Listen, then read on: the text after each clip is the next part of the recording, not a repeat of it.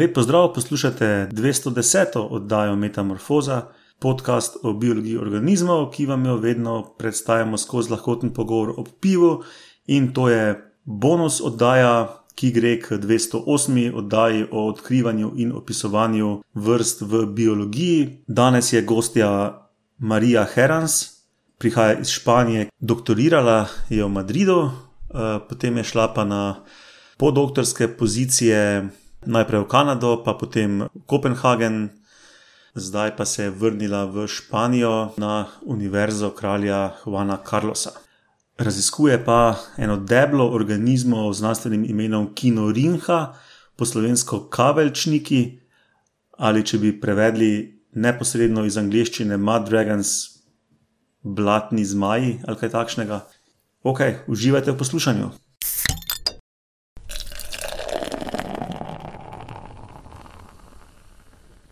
Okay, so thank you, Maria, for taking the time to speak to me briefly about your work and the organisms you like. So let's jump right in. Um, when people study well known uh, groups, starting a chat about it is easy. But you work on mud dragons. So we have to start here because I think even biologists are not super familiar with that. I can say I was not before um, reading about your research. So maybe you can briefly explain to the listeners what are these animals? How do they live? Maybe why are they called mud dragons? Yeah thank you so much for having interest in this topic in my research. So mud dragons are also called kinorhynchs and they are an animal phylum of marine invertebrates. And an animal phylum means that they are they form a group which does not resemble any other and has its own evolutionary history so the reason why they're called mud dragons is a bit fussy. I mean, we we you don't see look at them and, and see a dragon one to one, but what you can see are some features that resemble what it could be a tiny dragon, and you need to put a bit of imagination for that too. They have some radial head. It means that they have structures that are around in a central axis. So they have spiky radial head that they can retract into a body that is segmented. They have 11 segments. And then they have a lot of spines and other structures in their surface. They have an exoskeleton, a tough cuticle, and they dig through the bottom of the ocean. Um, so they are called mud dragons just because of that. uh-huh, and they use these uh, spiny heads for uh, hunting or filtering out uh, organic matter they, from the mud. Well, they don't have any limbs in the trunk or in the body, so they use the head for digging. So they just dig through the sediment, and as they dig, they sort of take in food. And we don't know exactly how they do it because they have a very complex mouth with a lot of teeth also arranged in a radial way and they sort of sieve through the sediment as they go through it so but we don't know exactly how it works and it's something that i'm quite interested in finding out mm-hmm, mm-hmm. because they're so tiny they're quite enigmatic uh, little known i Correct. assume right yes um, i'm looking at some photos now as you as you're describing them and and i'll attach these photos uh, to the show notes for the listeners but mm-hmm. actually they remind me a little bit to the to the giant worms from the Dune yes, science science, science fiction universe also. I would say they they they uh, picture really well like Heinrich. It was pretty big though, but uh, yeah, yeah, they yeah. really resemble them. And you said they live in the sediment in the sea. Is it uh, like shallow sea, deep sea, everywhere in the sea? All over the places. So far, we have found them from the intertidal. It means that in the you can find them in in beaches in in shallow areas. And then uh, that are affected by tides. And but also they're in deep sea so you can find them also uh, 9000 meters down. They have been found in hadal uh, areas and marine trenches. And they are all over the places from tropical regions to polar regions. I have been recently some colleagues are collecting them in svalbard so we we have them from all over the places. Mm-hmm. So uh, okay, now I'm pretty sure um, people are wondering how actually fieldwork works. If you can maybe briefly explain how how do you even sample or how do you sample so that you target these small organisms, right? If if they live really everywhere in the sea. Yeah, this is a good question because I mean, we collect them blindly. That means that since they are microscopic, we don't really know if we're getting them or not. We just sample different areas and different kinds of sediment.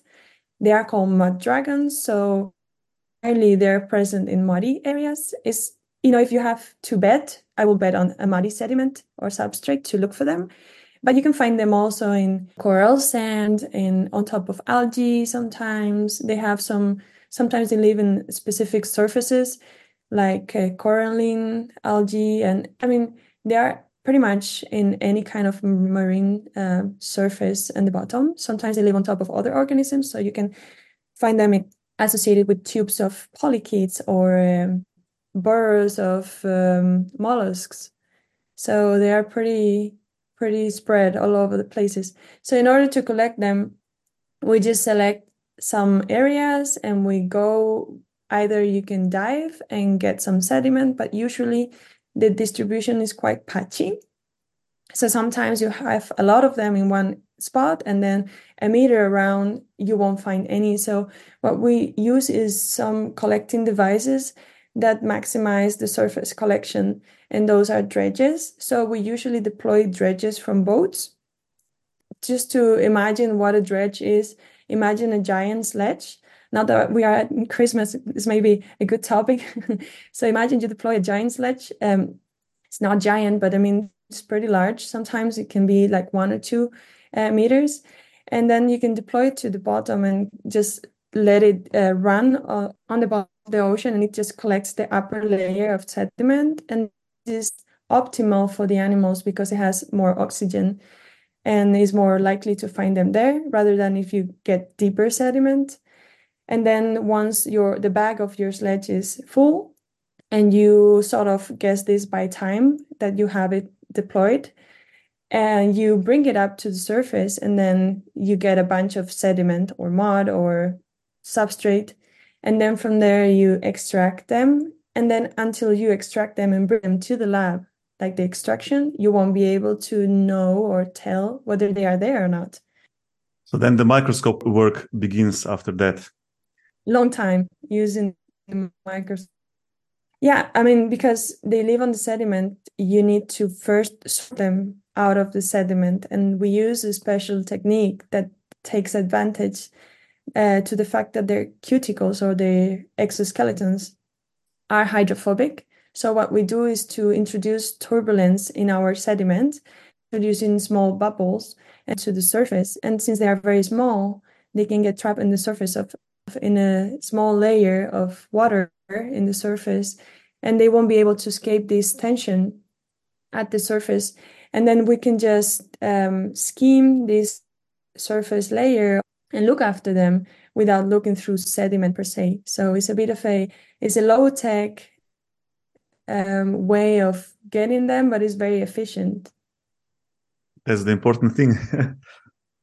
uh, so I can imagine you you mentioned this is a phylum, so that means that it's an quite an old lineage of animal life um, that goes back several hundred million of years, and they are widespread all over the world in all in the sediments of all seas, which probably means, I assume, that a lot of their diversity is yet undiscovered right?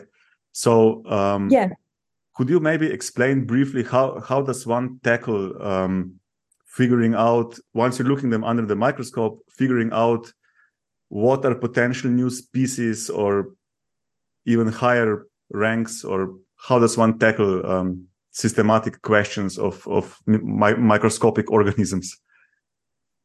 Yeah, we usually when you collect animals that are so understudied like this, it's very likely that you find new species to science, sometimes new genera or even higher ranks. So the first thing you have to do is to compare with what is described. So first of all, you have to have a good knowledge of what has been described before. And as you do this, um, you can sort of classify what kind of specimen you have, if you have one genus or the other, roughly. And then what we do is to count structures that we can see on the surface of the specimen. So some people or some um, some other uh, scientists need to do some internal morphology, so look at internal organs. For us, it's just external structures. So we look at spines that are in the surface, where they are positioned, in which segment they are, how many they are, if they have uh, sensory structures, how many they are, how they look. Um, so we use a lot of electron microscopy um, images to to check for these structures because they are, of course, the animal is small. These structures are even smaller. So we also measure the length of the segments, the proportions of the specimen, and with all those data, we can figure out we, if we have a new species or not. We also combine the morphological study with the molecular uh, work. So we also extract uh, DNA from them. And this is very cool because since we have this exoskeleton, even though they are very small, we can extract the DNA without disturbing the exoskeleton. So we can get our material, our DNA, and then keep what is called a voucher, which is the exoskeleton of the specimen that serves as to also identify the species. I was actually gonna ask that because um, I work on spiders, so I can chop off a leg of or even part of a leg and there's a lot of muscle in there a lot of tissue to use or you know mm-hmm. a herpetologist might only take uh, a q-tip and a swab from the anus or something and get dna so in mud dragons you take internal organs and keep the exoskeleton if i understood correctly yeah i mean what you do is pretty much to digest make a digestion of uh-huh. the organs. I mean, you don't control what is digested. You just dissolve the animal in a, uh, you submerge the animal in a solution that has an enzyme, and then you get all the DNA content out of the exoskeleton. But the exoskeleton is made out of chitin, mm-hmm. and it's quite tough. It's not digested, so it remains in your tube. So if you care for looking for it, they are very small and it's tricky to get them out. But if you just get part of your liquid out when you're doing the, the extraction and keep a little bit uh, in the bottom, you most likely have your exoskeleton there as well. That's very cool. So you can keep your voucher. Yeah, yeah. and maybe we have to explain for the mm-hmm. listeners that uh, biologists we all always try to keep vouchers which are like representative animals or at least diagnostic parts of the animals like genitals for example could be vouchers as well so that ideally in museum collections for future generations of biologists uh, to have them available, right? In our we keep the whole body, so that's, that's yeah, yeah, that's nice. that's very nice. I was I was wondering how how this works, and it's a very elegant solution actually. Very cool because can keep the head out because once you dissolve the animal inside, you have no muscles. So there are no muscles that will hold the animal like retracted in any way. So it completely extends and the head comes out. And then you have all the features that you need to to do your research. Mm-hmm, mm-hmm. Okay. Um, one final thing I wanted to ask you, and then I'll let you go.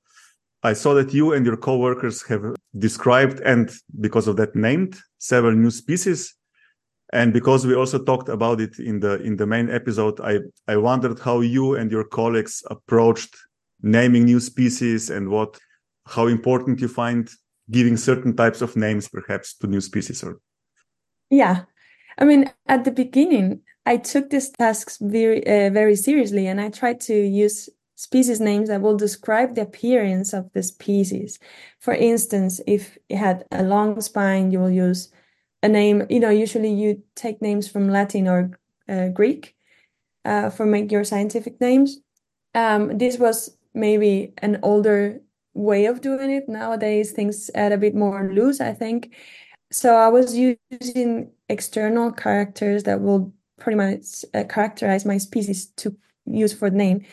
But sometimes when you find a lot of species at once then you run out of ideas. Sometimes you can use the area where you find the species for the name, if it's uh, from the Mediterranean or the Atlantic, or if it's from Spain or if it's from Portugal or from Italy, whatever, you can use some specific names. But what, sometimes when you get so many species, and then you're used to describing species, you start becoming a bit more loose. And I have also dedicated species to other colleagues. This is also quite common, especially colleagues that have helped you a lot in the research or have been a, an example or you know a reference for you.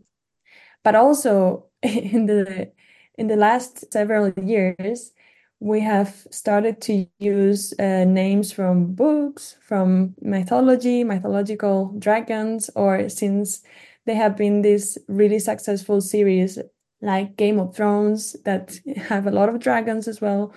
We we use some of the names from fiction to to name our our species. Some of my colleagues use Lord of the Rings names from species that were described from New Zealand just to mm-hmm. honor mm-hmm the area and also for uh, yeah game of thrones we have a lot from uh, svalbard and you know when you have a good topic you can use a lot of names of the characters so it's a good source for for names and some people just get more attracted to to to the species just because of the name so it's a way of advertising them too um, so things in taxonomy have changed quite a bit over time but at the beginning, I was taken quite seriously. It's not, I mean, once you put a name, it stays there uh, most likely forever. It's very diffi- difficult to change a name, a scientific name, once it's used.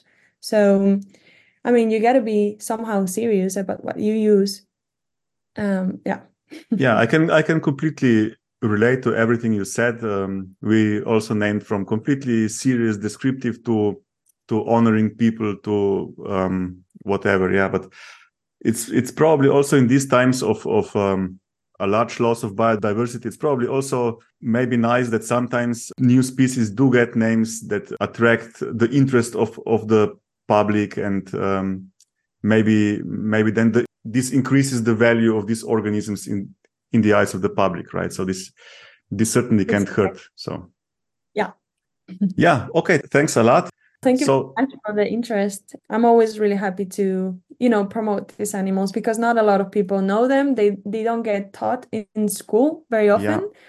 So it is a completely understudied and unknown group. And I find and it very interesting when people don't study, uh, you know, big cats or primates, right. but it's something um, really unknown, something you you really don't know a lot about, and you can um, you basically learn all the time with discovery. So good luck with your research. I hope you discover many interesting things about their lifestyle that I guess is completely unknown almost.